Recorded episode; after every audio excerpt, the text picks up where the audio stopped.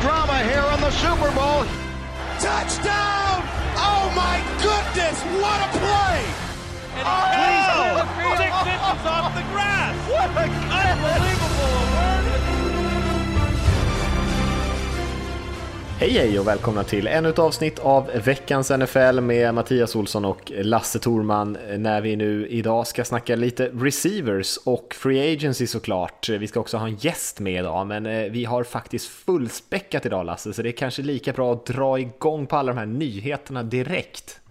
Ja, minimera kallpratet här nu. För andra veckan Verkligen. idag. Ja, förra gången drog vi ner det till, vi drog ner det till en minut förra veckan. Nu blev det liksom noll den här. Nej. Ja. ja, det ska inte vara för trevligt. Nej, nej, nej. Nej.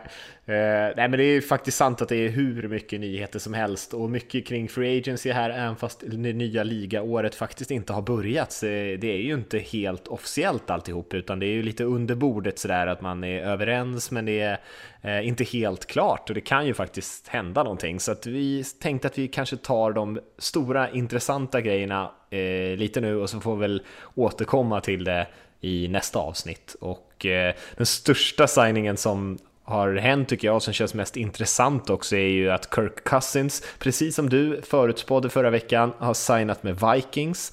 Eh, som är... Unik är jag det. Ja, du kanske inte var ensam på den gissningen, men du hade mer rätt än mig kan man i alla fall säga.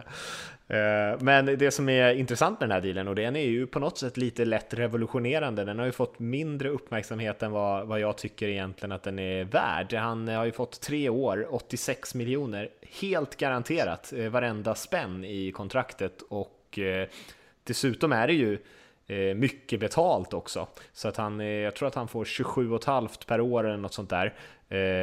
Och Eh, det är ju mer än någon annan fått tidigare, men det är just de garanterade pengarna som får att stå ut. Ingen spelare någonsin har varit över 70% av kontraktet garanterat tidigare och han har alltså 100% här. Eh, och det är ju något helt nytt eh, och vi får se hur det här påverkar quarterback-marknaden framöver. Ja, man hade kunnat tänka sig liksom att 100% garanterat kanske hade lett till att grundlönen var lite lägre. Kanske den blev det också med tanke på vad de börjar med, men sjukt hög lön och eh, eh, rubbet garanterat. Eh, ja, imponerande förhandlat av eh, Kassins gäng. Mm. Och vi får väl se lite grann hur det påverkar eh, om quarterbacks väljer att liksom nå free agency. De är ju väldigt, väldigt sällan det händer, så vi har ju egentligen aldrig fått se en QB som är liksom kring topp 10 eller kanske till och med lite högre nå free agency. Det är väldigt, väldigt sällan. Vi hade ju Peyton Manning där för några år sedan, men då var ju han eh, betydligt äldre än vad Cousins är. Eh, I och för sig såklart en mycket bättre spelare, men eh, bara att en, en, spelare som Cousins som kanske är runt den tionde bästa kuben eller något sånt där i NFL eh, drar ner den här typen av pengar. Eh, man vill ju inte ens tänka sig vad en, en spelare som Brady eller någon annan skulle kunna ta på marknaden. Nej, halva lönekostnaden snart för ett lag. Ja. Ja, ja. ja en bit kvar men. men ja, det är jäkligt intressant helt klart. Om vi ska ta alla andra kubes där så ryktas det att Sam Bradford i alla fall hamnar i Cardinals, eh, Case Keenum i Broncos eh, och Jets signar både Josh McCown och Teddy Bridgewater. Ja, eh, fem kubis tog upp eh, fyra av de fem eh, med Vikings anknytning. Mm.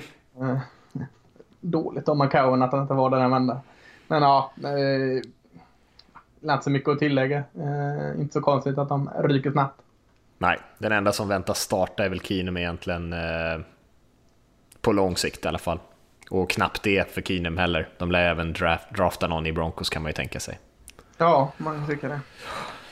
Jag har eh, sett en hel del receivers gå också, Lasse, till ganska höga pengar. Eh, inte minst eh, Paul Richardson från Seattle som signade hos Redskins för stora pengar. Vi fick se Sammy Watkins få ytterligare en eh, involverad i, eh, liksom en, förra gången blev han ju tradad och fick inte en ny deal, men även priset tyckte jag var högt. Nu fick han väldigt mycket pengar av Chiefs här. Vi såg Allen Robinson, Jaguars receiver som hamnade i Chicago.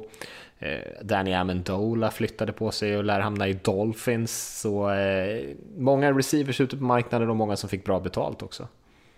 Galna pengar alltså. Mm. Helt klart. Jag förstår att spelarna väljer att gå ut i free agency med de pengarna som kastas över dem. Eh, Paul Richardson har absolut inget liksom, ont. Jag, jag, tror på honom också, men, men lite väl tidigt i hans... Liksom, han har inte bevisat så mycket än för att få de jäkla pengarna. Så, så att, nej, jäkligt märkligt. Sammy Watkins fortsätter få äh, grymt betalt också utan att riktigt ha levererat. Så nej, äh, receivers eh, verkar känna bäst på att äh, testa den fria marknaden. Verkligen. Alltså jag skulle säga Watkins, Richardson, Moncrief, Amendola, alla de här spelarna är jätteskade jätteskaderisker som får ganska mycket pengar garanterat och de är mm. definitivt inte ensamma. Jag twittrade ut lite grann för att eh, jag tycker också att det är lite kul för att vi alla blir så chockade varje gång vi ser de här free agency men och glömmer kanske bort lite grann hur mycket lönetaket på något sätt har ökat, så det är inte så konstigt att spelarna tjänar mer. Och just nu känns det som i NFL också att det finns kanske mer pengar än vad det finns spelare.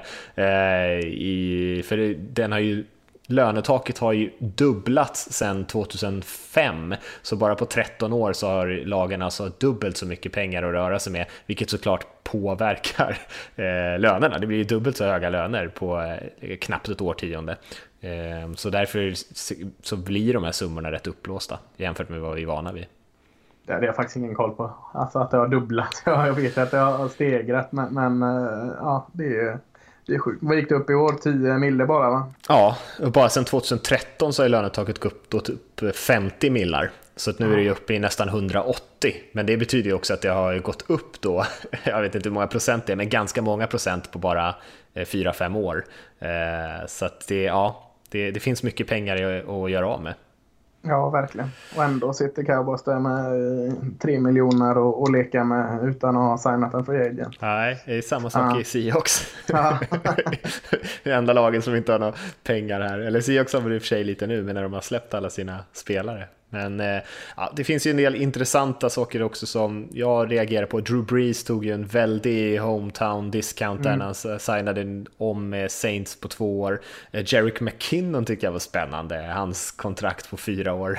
Eh, är ju, var ju också väldigt intressant. Sam Bradford var ju många som reagerade på, han fick ett år 20 miljoner eh, med mm. den skaderisken som han är. Eh, Jimmy Graham till Packers tyckte jag var intressant också. Ja, McKinnon. Jag har aldrig riktigt förstått hans storhet riktigt. Alltså fyra år, 30 millar. Det är, det är saftiga pengar. Mm. Ja, vad fick eh, Hyde i, eh, i Browns? Inte lika mycket. Nej, det tycker jag är jättekonstigt. Mm. Uh, ja, ja.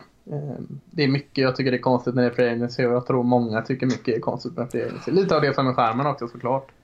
Ja, eh, det är ju kanske inte det bästa sättet att bygga ett lag. Som sagt, de här spelarna som kommer ut här, de får ju väldigt bra betalt, men hur bra spelare är det här egentligen? Och det är klart att man sitter där med sitt eget lag och tänker sig, ah vad trist liksom, varför signar vi inte någon spännande spelare? Men eh, ja, det är inte jättemånga spelare i hela den här eh, Free Agency-gruppen som kan komma in och förändra ett lag. Alltså det är ju enstaka spelare, kanske ett halvdussin. Resten kan säkert förstärka här och där, precis som många av topplagen har gjort de senaste åren och bara liksom toppa av med några bra free agents. Eh, men man kommer inte vinna något mästerskap på att vinna free agency.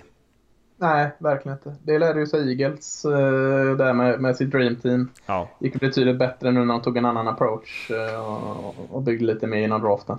Ja, och sen tog de ju såklart in bra värvningar och det, man kan säga samma sak om Jaguars, men då har man ju på något sätt byggt en kärna redan av spelare. Ja, men precis. Det känns som att liksom, du kan liksom inte göra...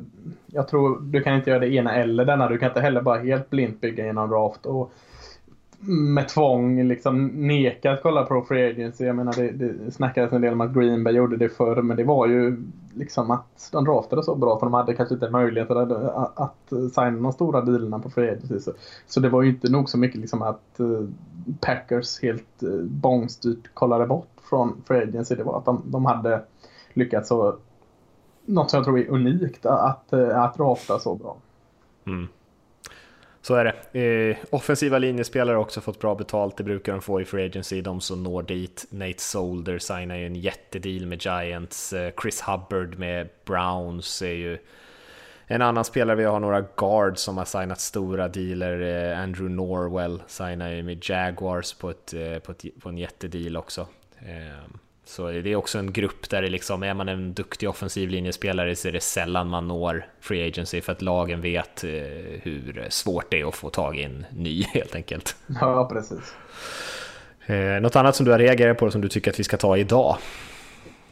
Ja, inte idag. Alltså det är så uh, likt vilda västern där med free agency så jag har knappt koll på vad jag vet och inte vet just nu. det, det svävar mycket i huvudet och, och annat. Men eh, ja, det är kul att se att eh, Browns verkar satsa i alla fall. Eh, om det är rätt eller fel, det, det låter jag vara osagt. Men, men det är kul att se att det händer något i Cleveland.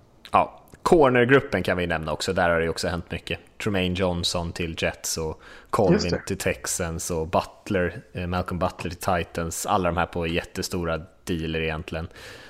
Eh, men eh, vi kan väl göra en sån här liten konsumentinfo som, som du var så duktig på senast Lasse och säga att om man eh, håller koll på nflsupporter.se så har vi faktiskt en tracker där, där vi däremot inte har tagit med saker som inte är officiella, men när väl ligaåret börjar så kommer alla de här värvningarna som blir klara komma in där. Så att det kan man ju hålla ett öga på och se liksom den sammanfattningen där av allt som har hänt, eller de mest intressanta grejerna som har hänt om man vill få en liten snabb överblick i alla fall. Mm, absolut. Med det sagt så kanske vi ska ta och hoppa vidare Lasse? Ja, det tycker jag.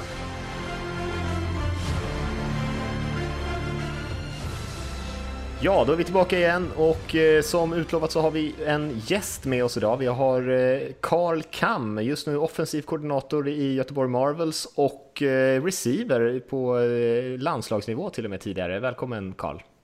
Tack så mycket. Uh, tack. Jag vill bara lägga till lite snabbt där. Jag, jag, jag har ett finger med i ganska många spel och, mm. och, just nu coachar jag ju även DBs i uh, framförallt corners då i uh, svenska herrlandslaget.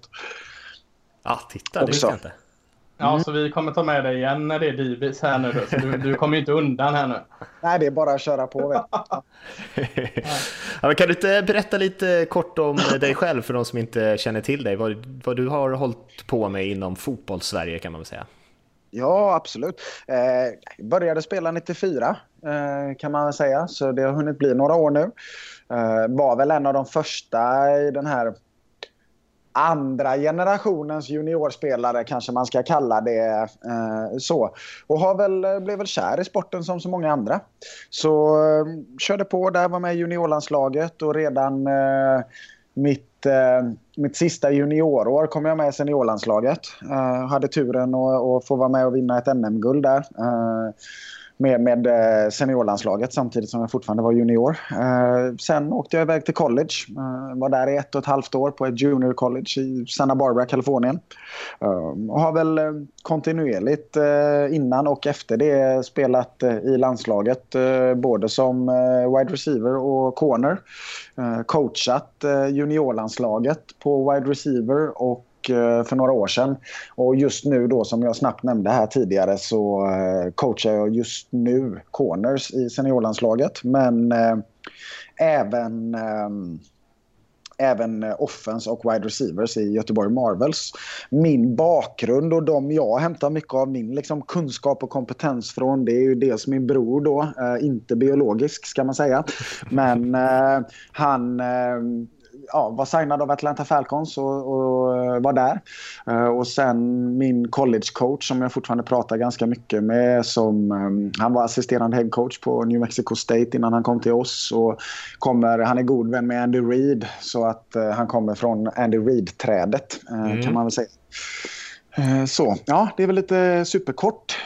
Mm, Intressant. Och, Andy Reid-trädet har vi pratat om tidigare. Han har ju på något sätt eh, spånat av sig mer än eh, de flesta coacherna får man ändå säga. Det är många som kommer från hans träd.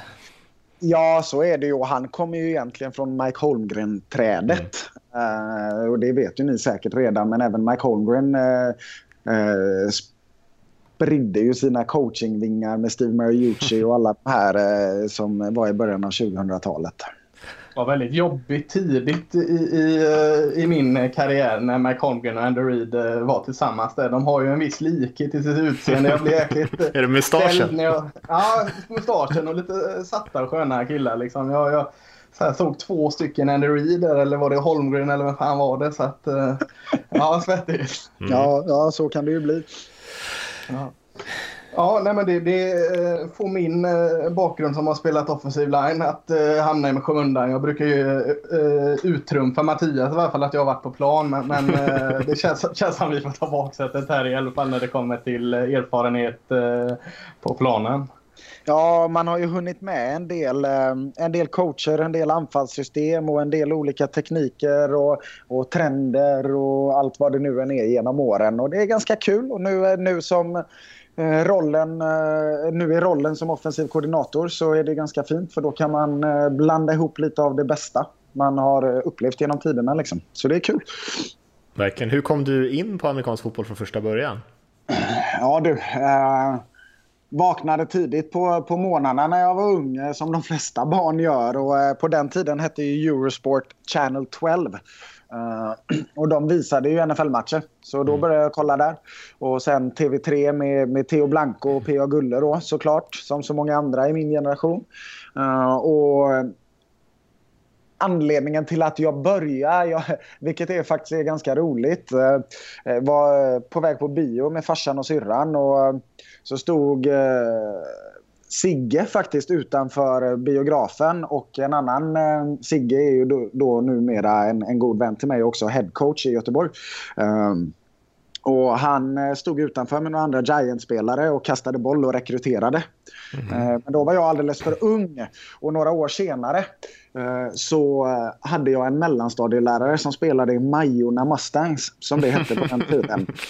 och då Ja, och då startade han ett, ett eh, flaggfotbollslag. För på den tiden, 94, var det så att det inte fanns peewee-fotboll. Eh, så då var vi ett av tre eller fyra flaggfotbollslag i Sverige, tror jag det var. Eh, mm, så på den nivån är det. När vi ändå är inne och pratar lite, lite svensk fotboll här. Eh, Marvels, Göteborg Marvels tillbaka i Superserien nu efter eh, alldeles för många år. Eh, kort om, om Marvels tillbaka och, och, och Superserien i stort. Det är ju trots allt bara en månad kvar där.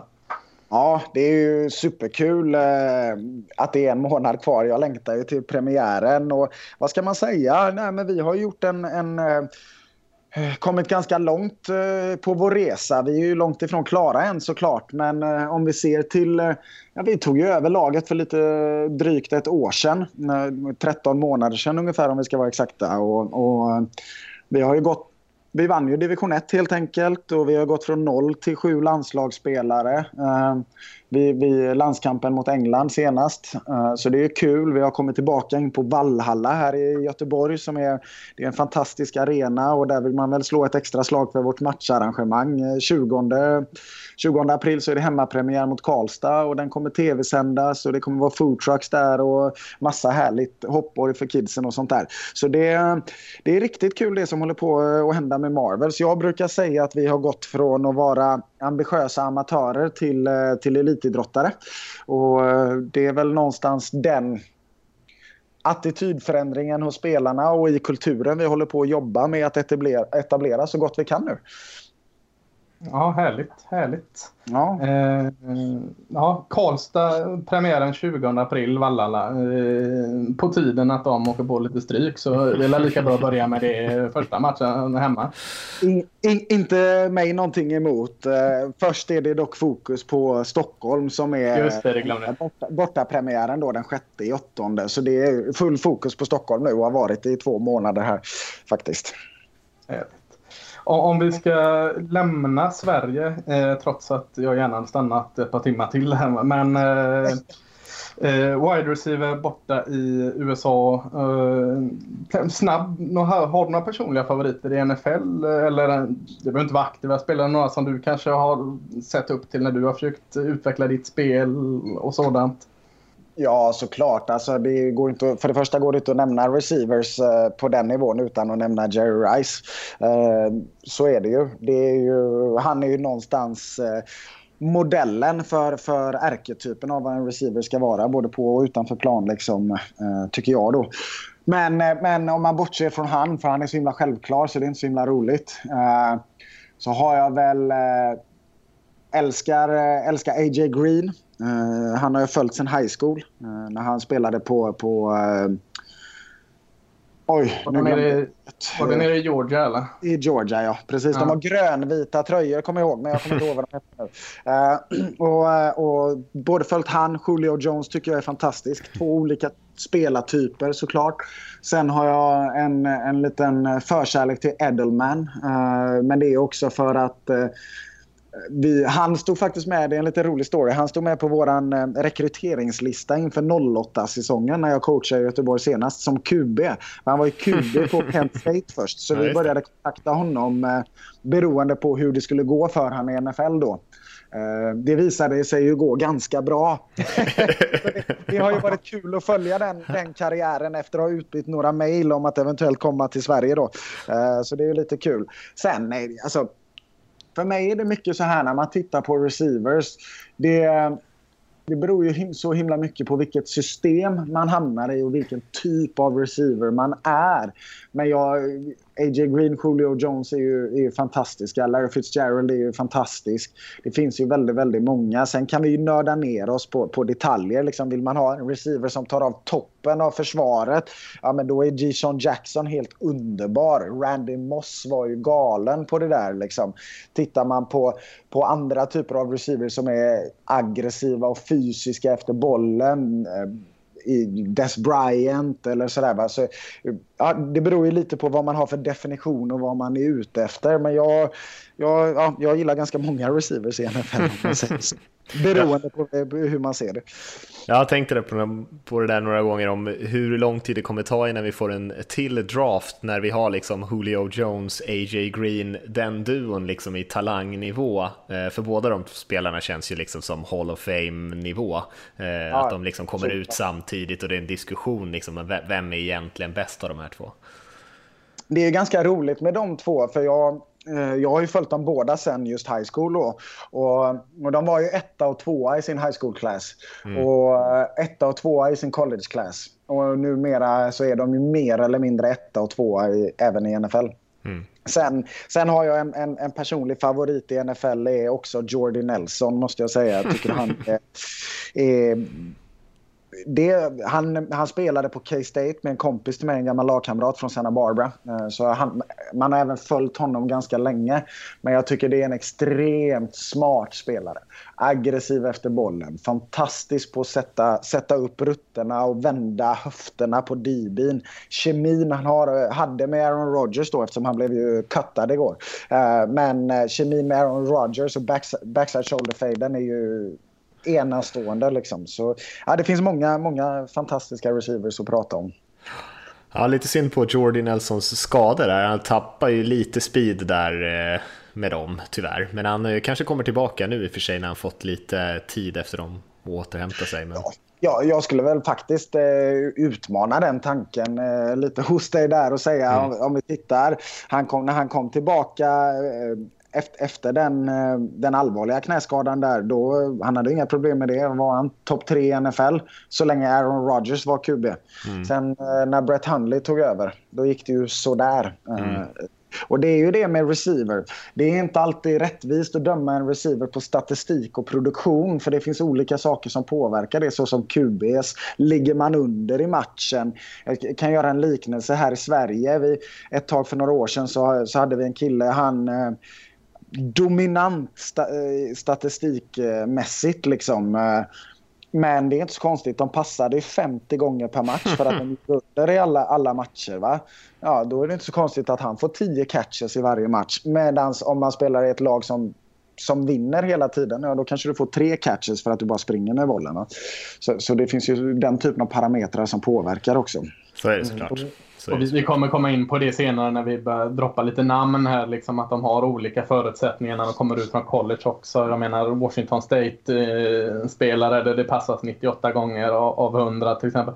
Så det, det är så väldigt olika. Men, men jag tänkte liksom, det, det, om man nu sitter där och kollar på, på receivers eh, i allmänhet eller inför draften. Eller liksom, hur ska man väga egenskaper? Jag menar aggressivitet mot kontra speed och, och händer. Liksom bara, finns det något bra sätt? Liksom, och jag vet att självklart måste man kolla vad man har för need själv. Vad behöver jag för typ av wide receiver? Men, men lite mer brett. Då, går, det, går det att sätta in brett? Liksom? Vilka egenskaper söker man i när man, när man kollar på en wide receiver? Ja, det är klart att det går att sätta in brett. Uh, herregud, uh, det, det, finns ju några liksom grundpelare och grundstenar. Uh, och jag brukar säga att, att det jag letar efter det, det, är saker du kanske nödvändigtvis inte kan lära ut direkt. Eh, och då, då menar jag eh, till exempel att, att vara aggressiv efter bollen. Kommer man upp till en NFL-nivå ska man säga, om vi utgår från det då, nu, nu pratar vi NFL-nivå, mm. liksom, då har man ju en ganska stor pool att välja mellan. Och då finns det vissa saker som är självklara. Alla kan fånga bollen. Det är inga konstigheter. Liksom. Pratar vi i Sverige så har man en annan typ av, av selektion. För då, ja bra, du är duktig på att fånga bollen. Men i NFL, då finns det vissa grejer man inte kan lära som man kanske kan, kan titta efter för, för att få en, en eh, indikation på om de blir bra eller inte. Och då, då brukar jag säga aggressivitet är en sån sak. Det finns en sån här härlig klyscha, en spelare som spelar med en chip on his shoulder. Och jag brukar alltid säga att, att eh, om man tittar på till exempel A.J. Green eller Jerry Rice eller Julio Jones eller även Edelman eller som är en mindre receiver eller Steve Smith.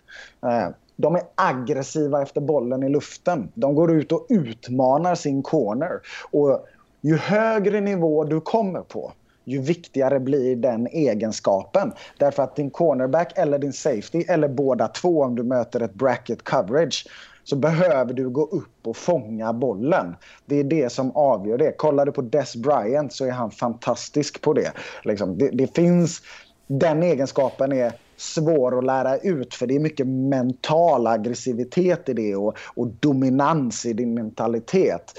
Sen klassiska eh, hand, alltså, handstorlek och armlängd. Det gör väldigt, väldigt mycket om du kollar på Odell Beckham till exempel. Liten receiver, 5-10 lång. Superaggressiv efter bollen i luften. Dessutom har han lika långa armar som en kille som är 6-5. Vilket betyder att han får en fantastisk catch radius till exempel. Då. Det är ju svårt att lära någon att få längre armar eller större händer till exempel. Eh, så, va? Så, sen är det ju såklart fötter fötter. Då pratar vi rörlighet i fotled, knäled och höftled. Så man kan se vilken teknik de använder då. Va? Ofta på lägre, lägre divisioner så behöver man jobba med, när man liksom jobbar mycket mer med breakdown i form av att man behöver liksom bromsa in innan man gör sin sväng va? och för att accelerera ut.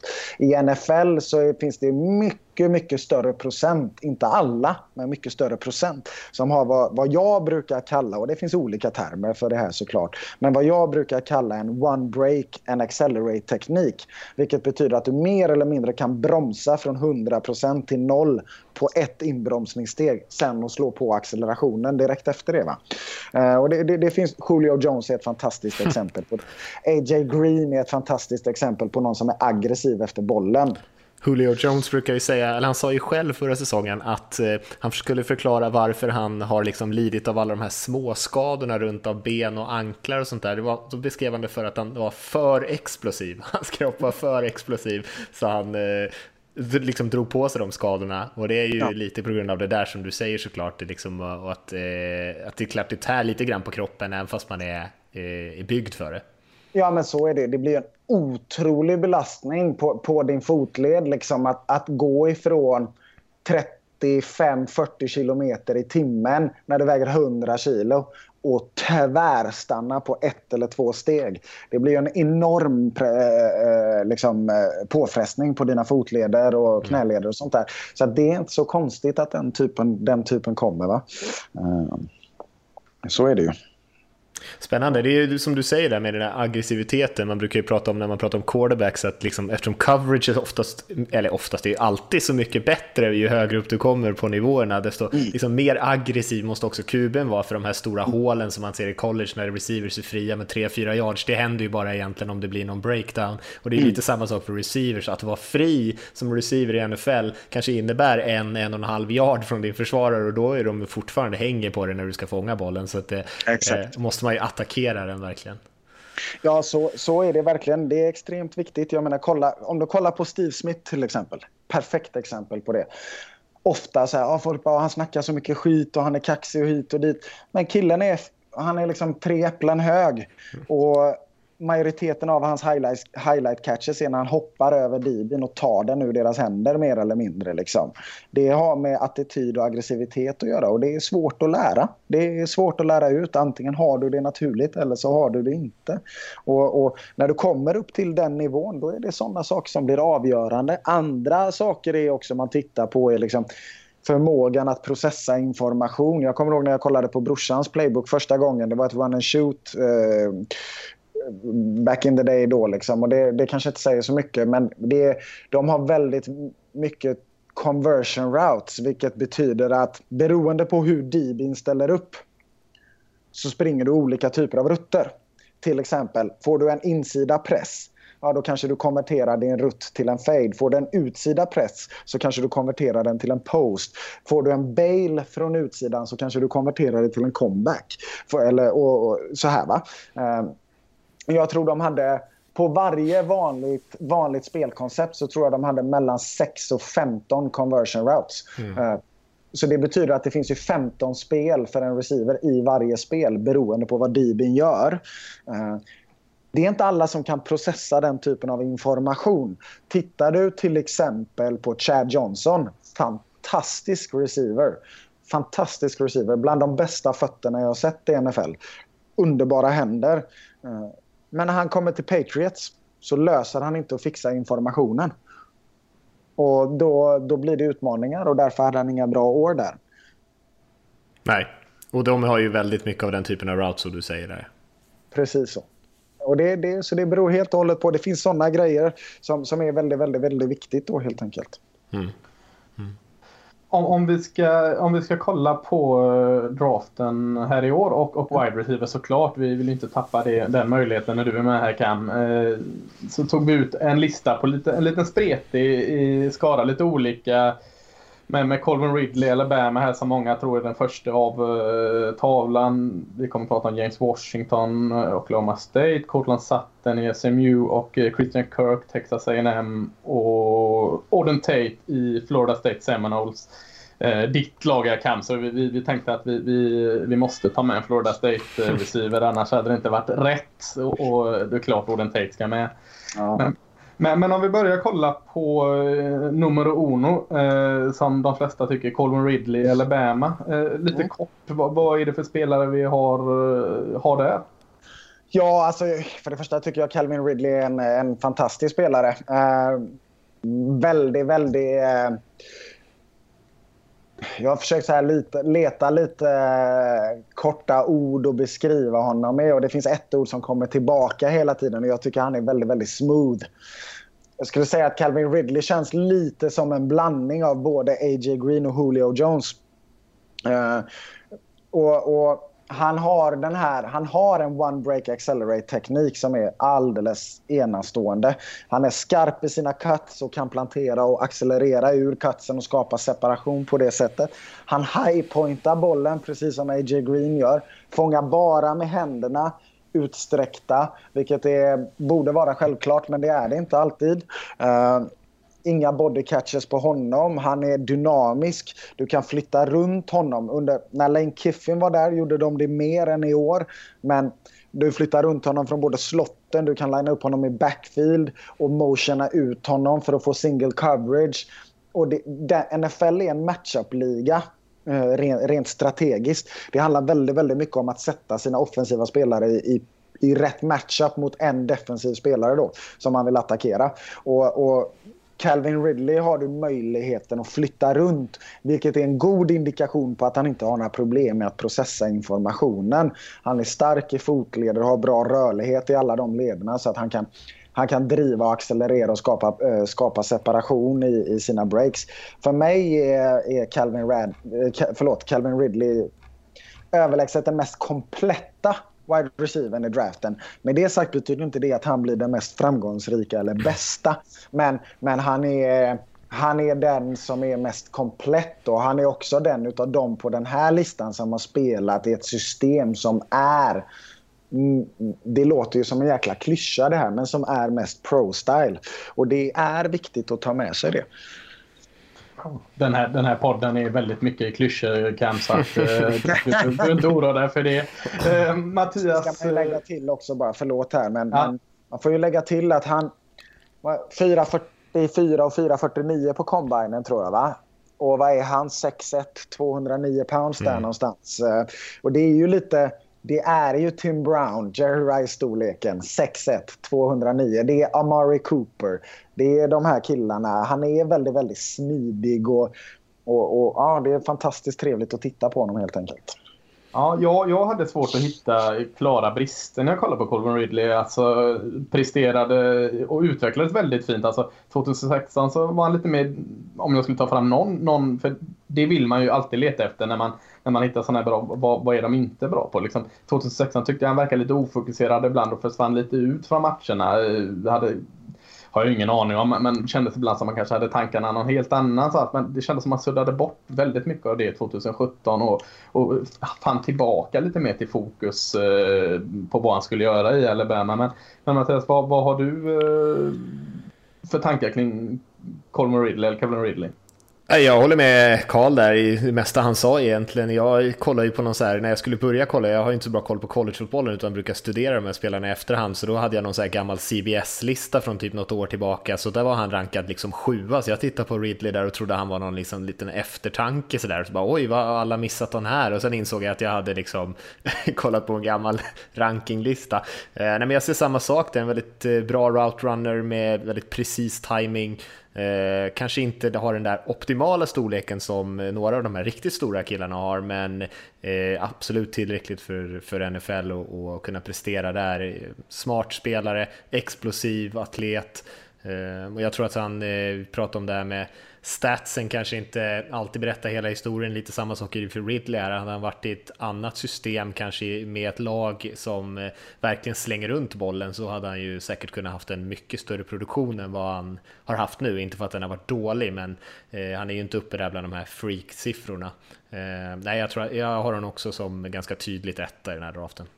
Ja, och sen är det ju så här också, två saker att lägga till. Eh, annars blir min gamla, gamla receivercoach här på mig. Ehm, en sak som väldigt, väldigt många glömmer när man, när man pratar receivers och när man gradar receivers och så här, det är, det är faktiskt blocking.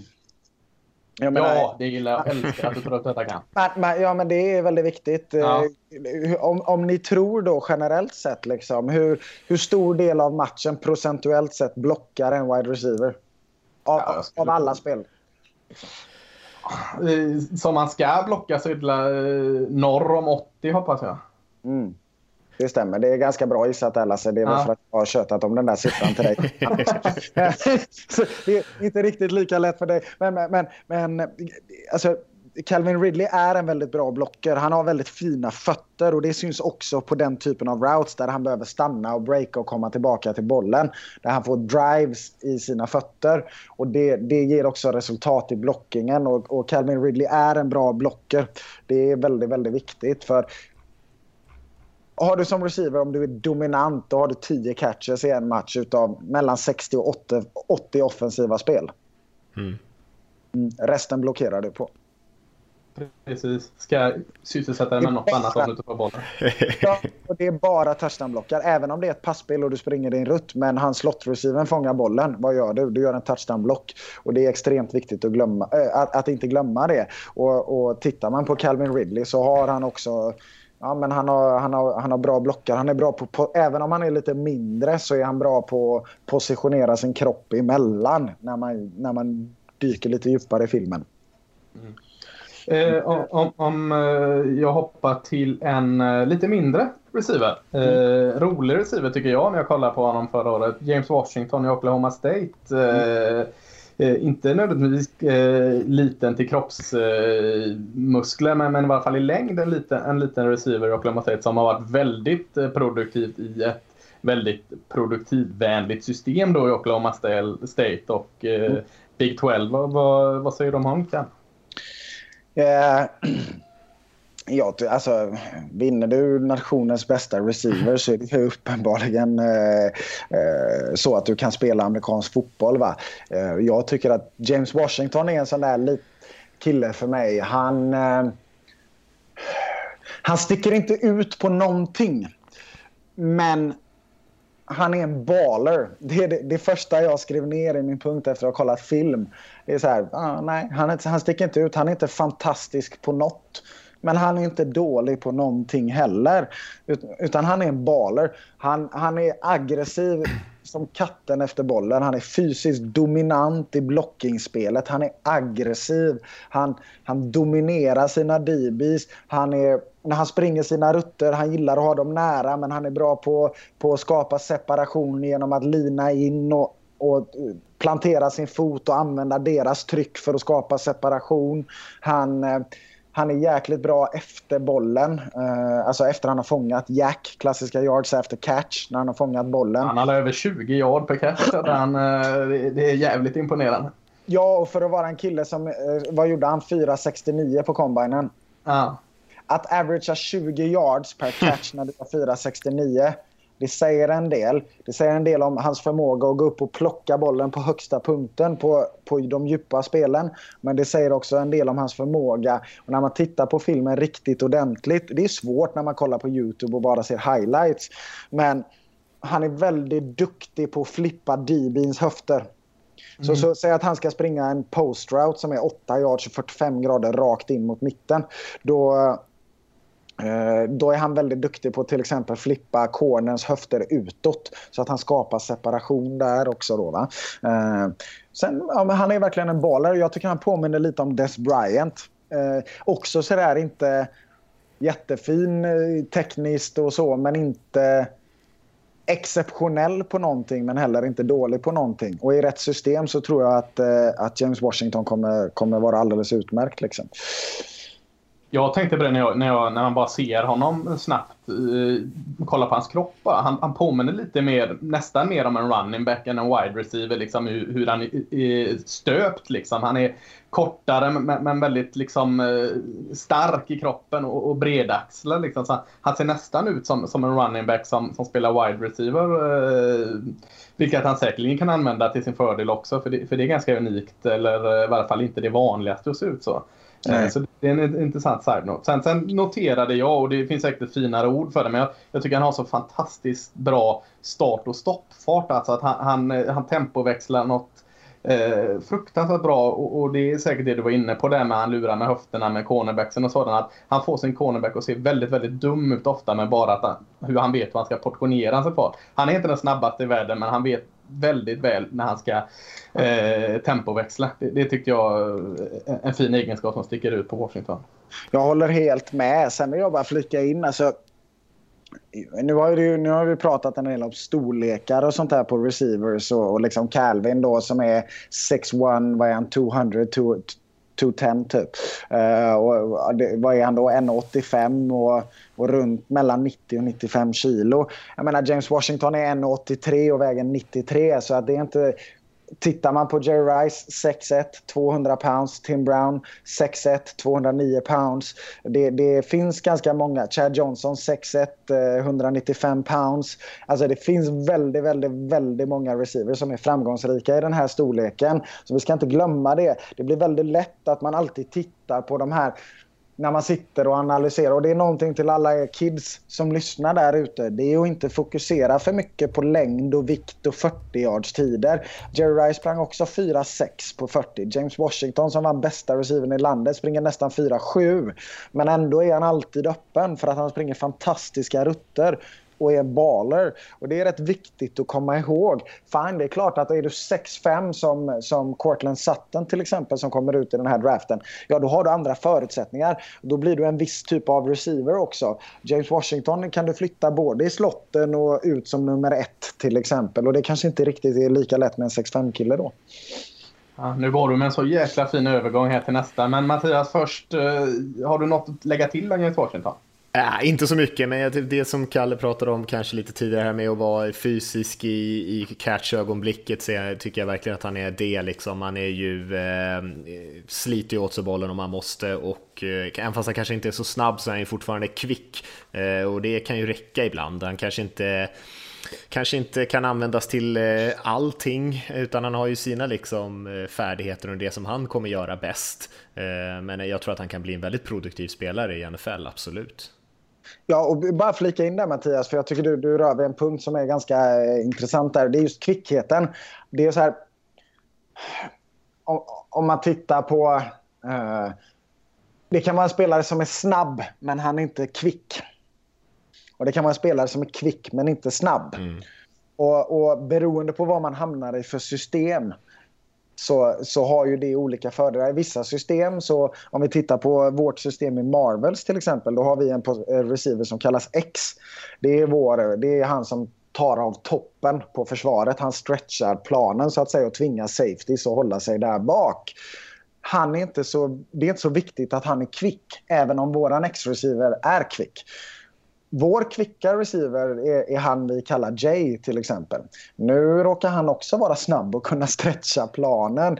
Men, men det är två egenskaper och beroende på vilken roll du har i systemet och vart du är så, så kan du spela, spela båda de rollerna. Du, du kan vara ettan på utsidan som stretchar planen eller så kan man motiona in dig i slottposition så att du kan jobba mer med din kvickhet eh, och, och jobba mer mot zonförsvar och sånt här. Så det, det, det är väldigt också framgången för den här typen av receivers varierar ju så himla mycket i vilket system de kommer i liksom. Det är bara att vara ärlig med det. Mm.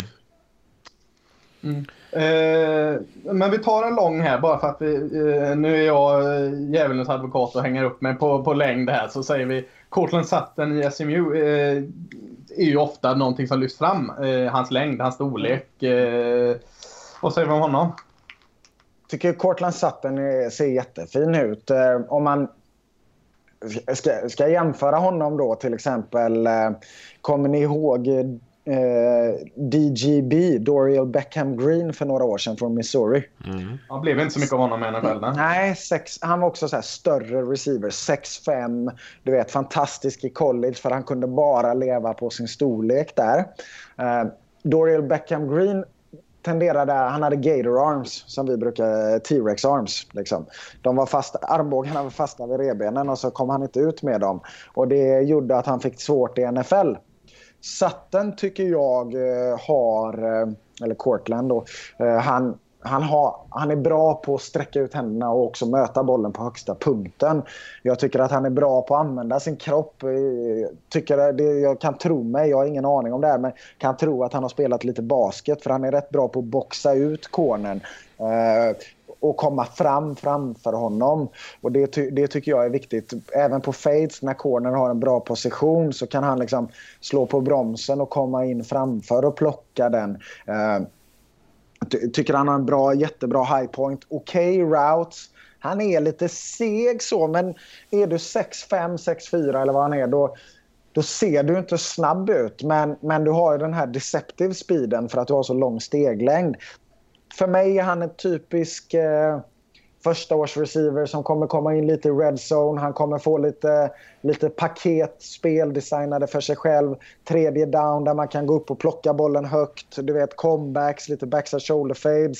En mot en matchups där han kan utnyttja sin storlek och fånga den.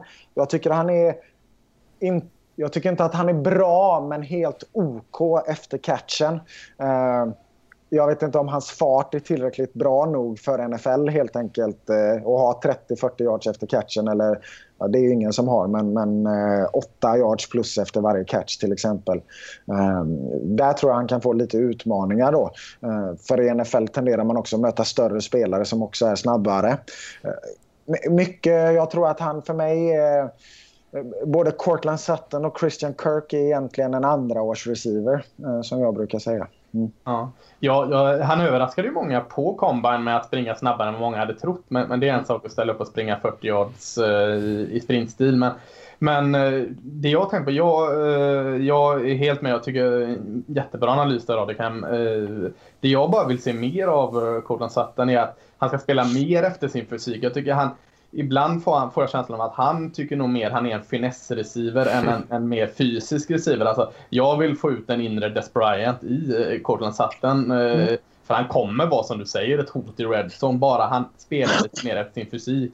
Det är ja, det jag velat se mer. Han, han, är ju, om vi jämför han och James Washington då, så kan man ju säga att om, om, om Cortland Sutton hade haft James Washingtons high point eller aggressivitet, eh, eller, eller liksom en...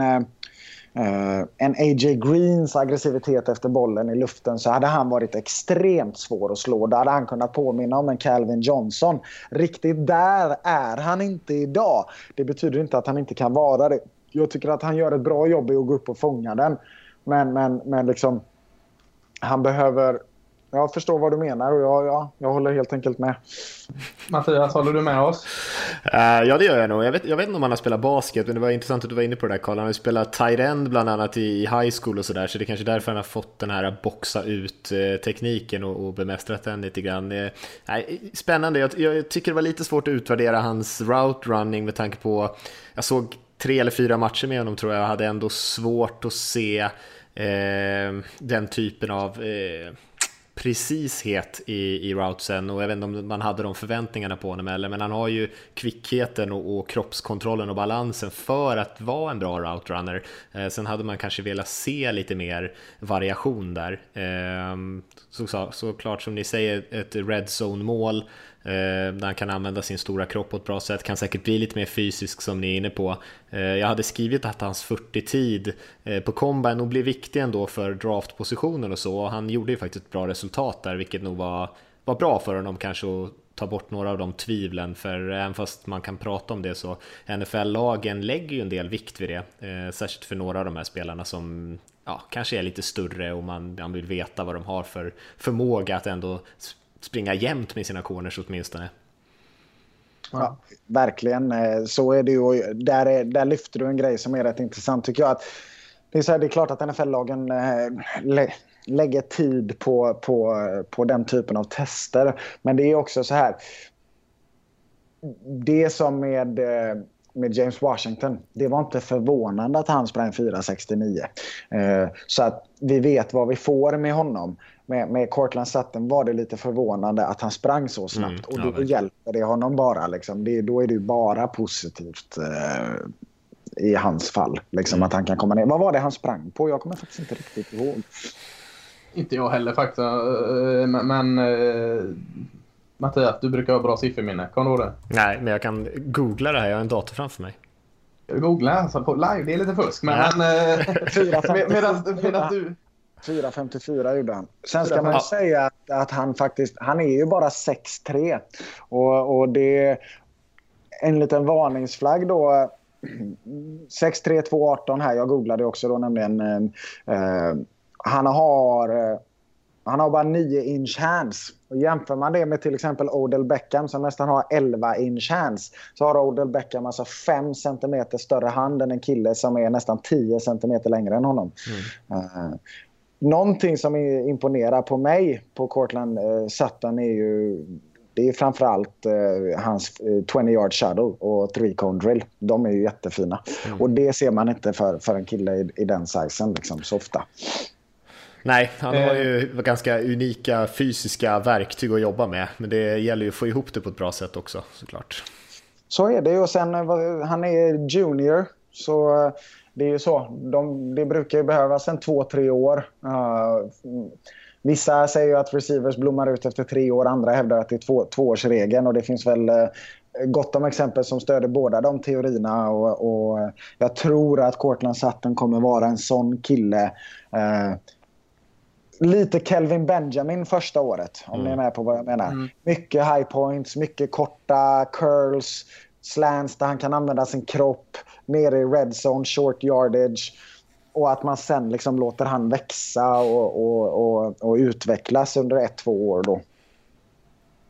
Eh, Christian Kirk, Texas A&M. Eh, lite måttmässigt eh, mindre än Cortland Sutton, men eh, vad, vad, ska vi säga om honom? Kan? Ja du. Eh, alltså jag tycker ja, det är svårt. Alltså. Jag, jag ska vara ärlig och säga jag har lite... Mm, Ja, du får tycka illa om... Alltså, du får. Det är bara bra. Vi ska ja, inte bara ge tummen upp. Nej, det vet jag. Men tittar man på Christian Kirk då, det systemet han har varit i. Liksom, eh, nu var jag tvungen till att googla bara för det för att få fram hans size här. Och han är också 5'10 men han har ju till exempel större händer än Cortland Sutton. Vilket är ganska intressant också då. Uh, men han var långsammare på både 3 cone drill och 20 yard shadow Vilket är eh, ganska intressant. Eh, trots att han är så pass mycket mindre. Han väger nästan 10 kilo mindre då. Va?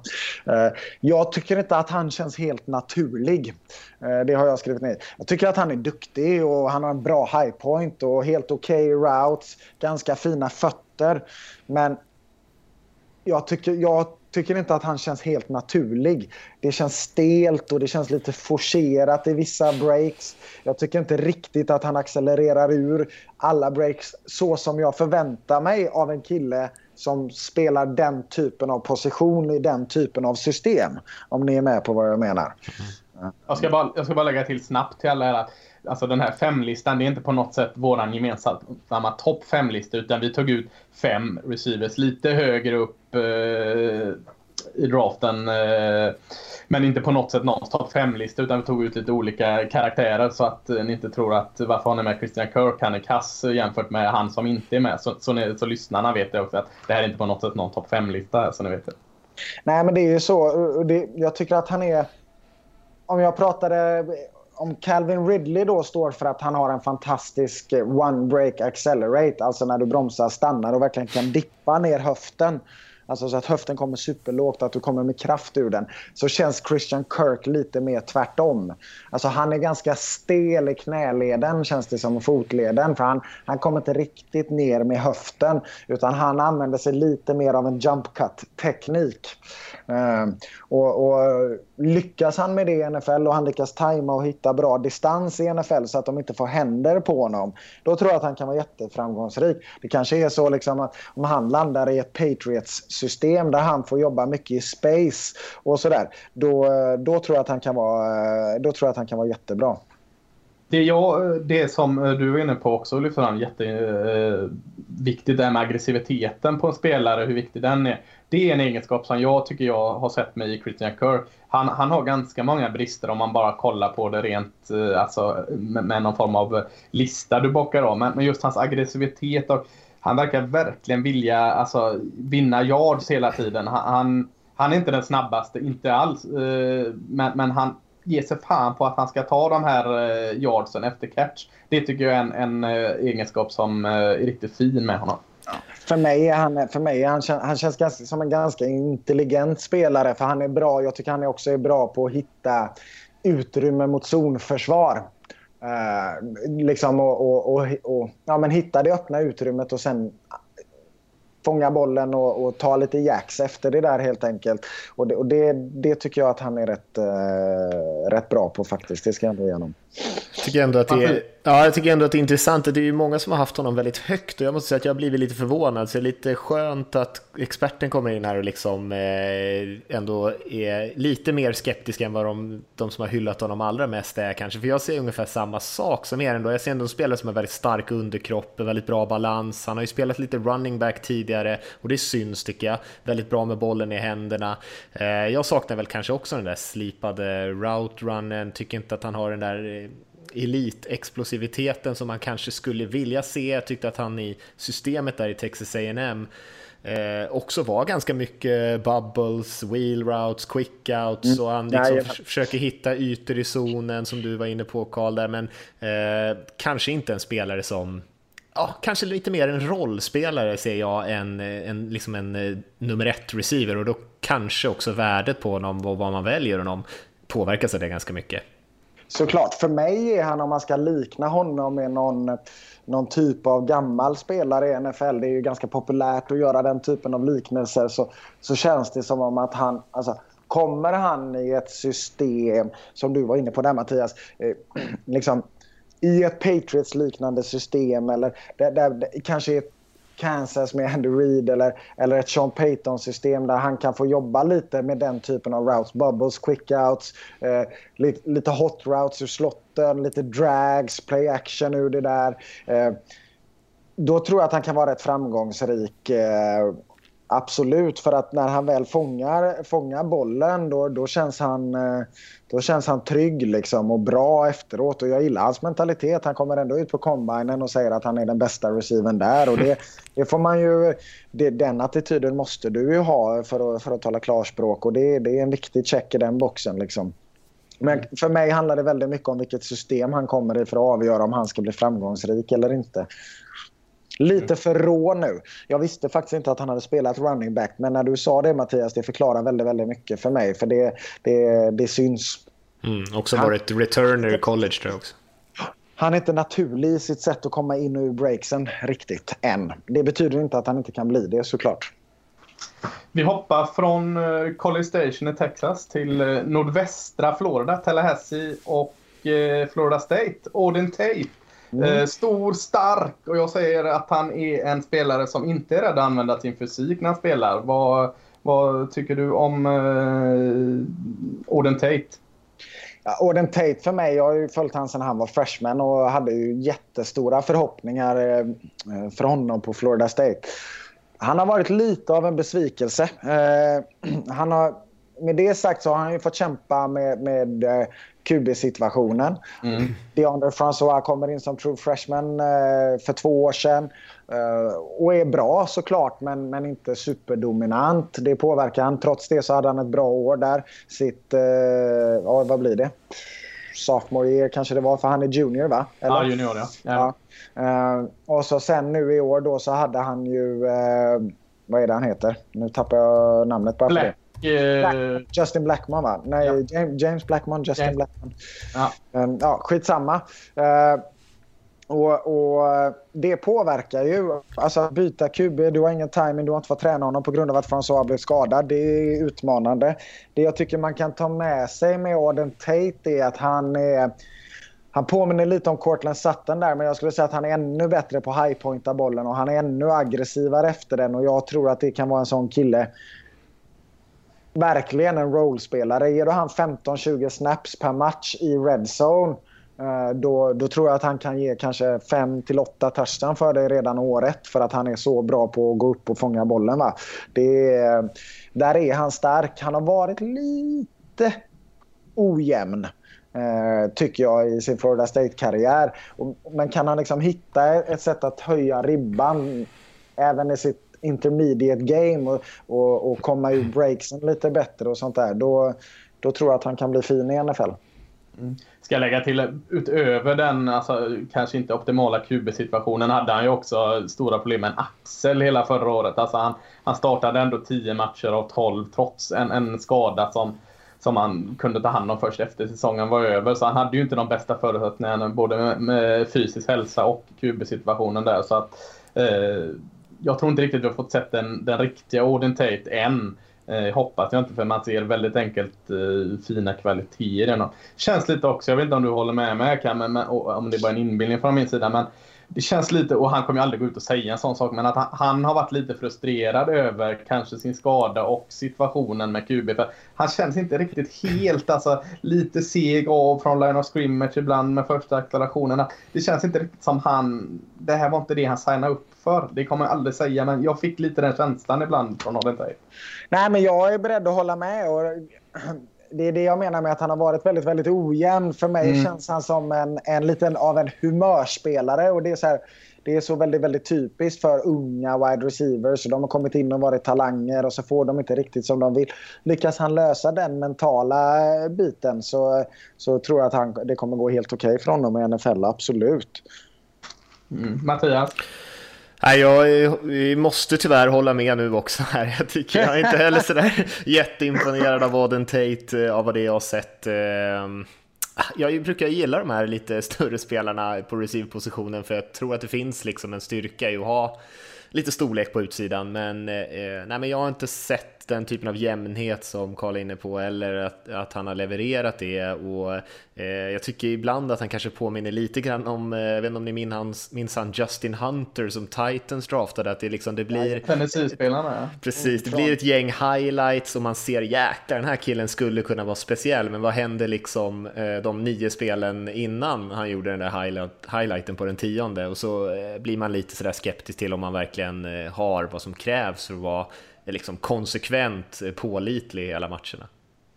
Mm. Jag, jag håller helt med. Och det, det är så här, han har ju alla fysiska förutsättningar för att lyckas. Men frågan är om han, om han klarar av det rent mentalt och höja sin lägsta nivå. För det är ju så här, du behöver förstå vad det innebär att vara proffs. Och tittar man på hans karriär i Florida State så är det ganska tydligt att han, han inte har förstått det. För att han helt enkelt inte har varit... Eh, eh, människor som förstår att de har varit vad det är som krävs att vara proffs de har ofta en ganska jämn kurva och jämn karriär. För de jobbar kontinuerligt på, sin, på sitt hantverk och sitt yrke. Eh, Auden Tate känns som en väldigt, väldigt hög rankad receiver coming out of high school. Han är van vid att leva på sin storlek. Lyckas han förstå här i NFL vad det är som krävs då har han alla fysiska förutsättningar för att kunna spela tio år i NFL. Men det är det. Annars kan han bli en Justin Hunter. Jättebra exempel. Mm, ja, det var, det var, Dorial, Dorial Beckham Green, den typen av, av spelare. Lyckas han, eh, lyckas, han, eh, lyckas han eh, jobba på sin profession och förstå det, då, då tror jag att han kan få ett par bra år i NFL. Eh, innan, innan vi, vi, eh, släpper iväg det här kanske, du, du har, jag vet hur mycket du har på ditt bord. har du någon, någon eh, kanske personlig favorit i årets draft som vi inte har nämnt här idag? Eh, utav receivers menar du då? Eh, ja, du får gärna gå utanför också, men, men eh, det är klart att en receiver-expert ska välja en receiver. Mm, ja, ja, nej, så är det ju. Alltså, man kan väl säga att min, min personliga favorit eh, eh, i draften generellt sett utav alla spelare är egentligen Dervin James från Florida State. Eh, det är ju en, det är en fruktansvärd atlet liksom. Och snackas det inte om att han ska halka ner ett par snäpp, eh, vilket jag inte riktigt förstår. Nej, och, och, gör han det så eh, då är det, det är svårt för dem. Liksom. Men, men vi kan väl prata lite om en, en uh, dark horse uh, för mig då i draften och någon jag mm. egentligen har gillat sen han, sen han var yngre och när han spelade med lite bättre QB på college. Och det är Dion Kane från Clemson. Ja, just det. Han har klättrat ganska mycket nu också det sista. han har det alltså. han, trend, han trendar tror jag som man ja, säger. Ja, ja, vad roligt. Men han är en eh, fin 4-4 på 40 yards där någonstans. Liksom. Ehm, det, han behöver också lära sig förstå lite vad det innebär att vara proffs. För, för tittar man på hans bänk, det är 11 reps. Du vet, väger du 200 pounds då ska, du, då ska du kunna göra mer än 11 reps i bänken för att visa att du tränar. Sen är det så att det har inte så mycket att göra med, med, med hur han är som receiver. Tittar man på hans karriär på Clemson så var han riktigt, riktigt bra när han hade en QB som Deshaun Watson. Mm mindre bra här efteråt. Och då är frågan, har han blivit en sämre receiver? Troligtvis inte. Troligt är ju att han har blivit bättre under eh, sen Deshaun Watson lämnade. Men att han har en sämre QB och fått en annan roll i systemet. Jag gillade, jag gillade verkligen eh, Dion Kane när han var redan som freshman. Och, och, även som sophomore då helt enkelt. Så han är en, det är en liten dark horse för mig. Jag tycker att han är en baller. Jättefin, jättefin fotledsstyrka vilket gör att han kan jobba med sin one break accelerate teknik. Han, eh, jag tycker inte att han bodycatchar. Han är aggressiv efter bollen. Lite små händer om vi ska vara ärliga då. Men eh, det ska inte vara avgörande. Ja men kul. Än, ännu en eh, Clemson-receiver. Alltså vi tänker på DeAndre Hopkins i, i Texans och Sammy Watkins som nu är i, vad fasken är han nu? Mm. Uh, vad är han? Ja, han hade ju med uh, Chiefs va? Just det, Chiefs. Uh, kanske Kane blir nästa Clemson-receiver uh, här att bidra i NFL. Kul.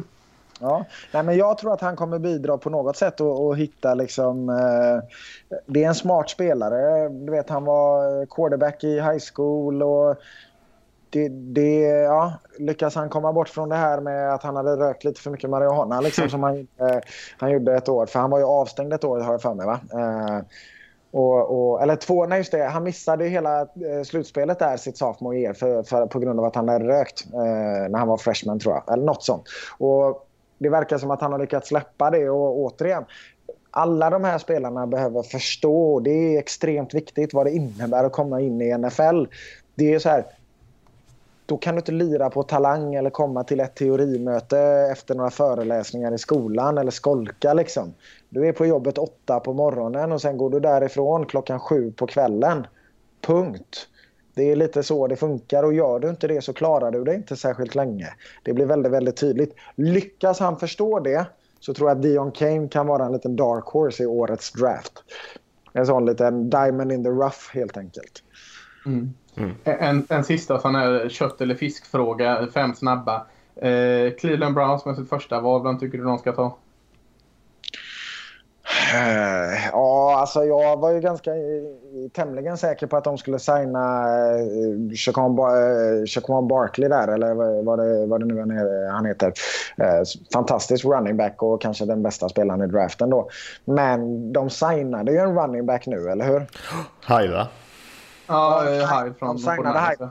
Hyde för mig är ingen personlig favorit. Uh, så jag kan tycka att de kan, de kan ta Barkley ändå med, det sagt så tycker jag att det är en, antingen är det en smokescreen eller indikation. De betalade dock Hyde ganska mycket pengar. Så eh, det känns som om att de kanske går mer åt, åt, åt linjeman. Eller, eh, för de signade en QB också va? Visst, vem var det de signade? Taylor.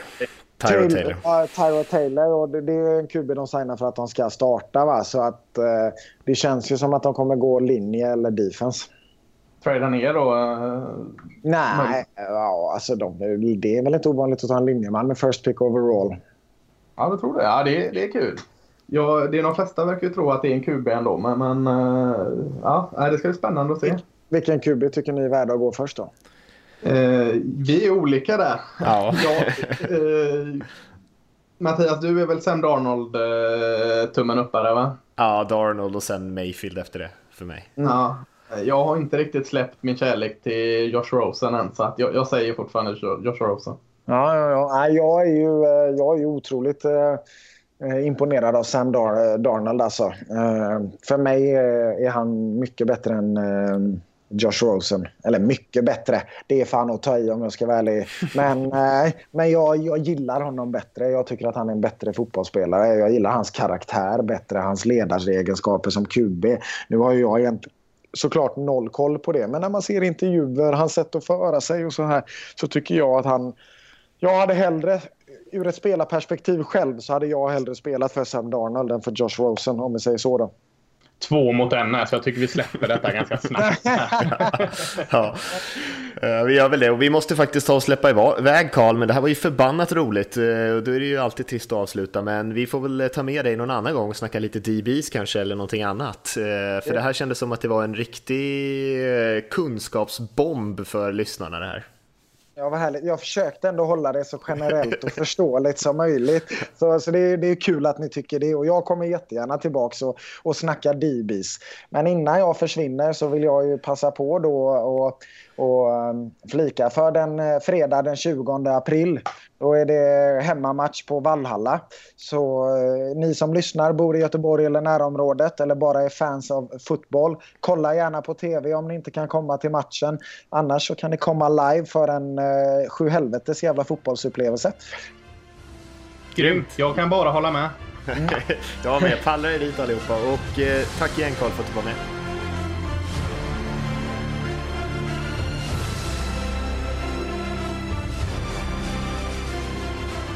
Ja, då är vi tillbaka igen och vi får ju tacka Karl Kam jäkligt mycket för det där var ju eh, ett eh, grymt härligt snack att ha i alla fall. Jag vet inte hur det var att lyssna på, men eh, det kändes intressant. Vad tycker du Lasse? Ja, jag tror det var riktigt bra lyssnat också. Nu är det bara lite så här otacksamt för oss att runda av det här med eh, på något sätt. Eh, eh, men men det, det, är vår huvudverk och ingen annans. Precis, tillbaka till amateur hour här. Yes. ja, nej, men jag tänkte vi kunde väl kanske i alla fall ge vår egen topp 5 på receiverlistan här innan vi rundar av. Och många av de här namnen har vi ju nämnt, men du kan väl ge lyssnarna din topp 5? För nu hoppade vi runt lite hur som kändes. Ja, precis. Eh, Colin Ridley då som vi nötte av här har jag som nummer ett. Eh, nummer två är J. Moore, eh, Maryland receiver. Eh, får inte ofta så mycket uppmärksamhet där i en kanske inte lika stolt skola. Eh, stor och snabb playmaker där. Eh, nummer tre eh, är jättekonstigt för att jag vet inte hur man ska väga in eh, hur de beter sig utanför plan. Det är Anthony Callaway eh, var i mhm. Florida innan han blev avstängd hela sitt sista år. Men, men jag tänkte att min topp 5-lista får ju vara vad de presterar på planen där. Han, först, nu skrattar jag, det var ju, var ju dumt, men, men sexuella övergrepp eh, som han friades från innehav av marijuana eh, och så sen inblandning i någon form av kreditkortsbedrägeri härva där. Så att han, han har, Låter stabil. Ja, eh, utanför plan eh, är han inte nummer tre, men, men han, han är en playmaker som inte har många svagheter på plan. Eh, så, så jag fokuserar på plan. Nummer fyra, James Washington och Oklahoma State som vi pratade om och eh, slutligen nummer fem som vi också pratade om. Eh, har ju ändå på samma poäng egentligen, så jag, om, om man sätter poäng. Cortland Sutton i, i SMU och Anthony Miller i Memphis. En, en, en hal spelare med blixtsnabba fötter. Mm. Intressant, det är ju en väldigt spännande receiverklass för att vi har ju några toppnamn här som de flesta är överens om, framförallt kanske Ridley och sen är det väldigt många som är inte som är ganska likvärdiga och det är lite tycke och smak känns det som. För jag har en väldigt annorlunda topp 5 än dig. Jag har ju Calvin Ridley först, eh, sen har jag Cortland Sutton faktiskt, eh, stora killen. Och sen har jag Dante Pettis från Washington som nummer tre. Eh, Michael Gallup från Colorado State nummer fyra och eh, Equanimous Saint Brown från Notre Dame som femma. Så att det är väldigt annorlunda, eh, väldigt olika topp 5-listor. Ja, nej, men jag håller med. Alltså, det är, när vi sätter betyg här i våran, eh, våran uh, lista som var på nflspåren.se så har jag en hel hög som är från typ 77 till 72. Liksom. Det, mm. det är väldigt lite. Det skiljer ju såklart mycket på dem för de olika spelare men, men eh, rent hur jag gillar dem så är det väldigt lite som skiljer. Det jag har, eh, som många andra har, är jag inte alls glad i uh, St. Brown här i Notre Dame till exempel. Mm. Han, han, han, är nästan i botten på min lista och uh, jag är inte heller så där övertygad på Pettis från Washington som du har med. Och de två ligger ganska långt ner på min lista. Gallup gillar jag starkt, Colorado State Receiver där, så uh, kul att han får, får lysa lite. Mm vi kanske får chans att eh, bråka lite om de där receivers som vi tycker olika om mm. i senare podd. Men nu känns det som att vi måste runda av eh, för vi har kört länge, länge, länge. Men eh, mm. ett kul avsnitt tycker jag. Eh, grymt med en så kunnig gäst och eh, vi får försöka hitta något sätt att få med Karl Kam igen. Eh, jag hoppas att ni tyckte att det var eh, ett bra avsnitt där ute och vill ni skicka in frågor så är det podcast nflsupporter.se. Annars säger vi så så hörs vi helt, helt enkelt om en vecka. Så eh, ha det bra allihop.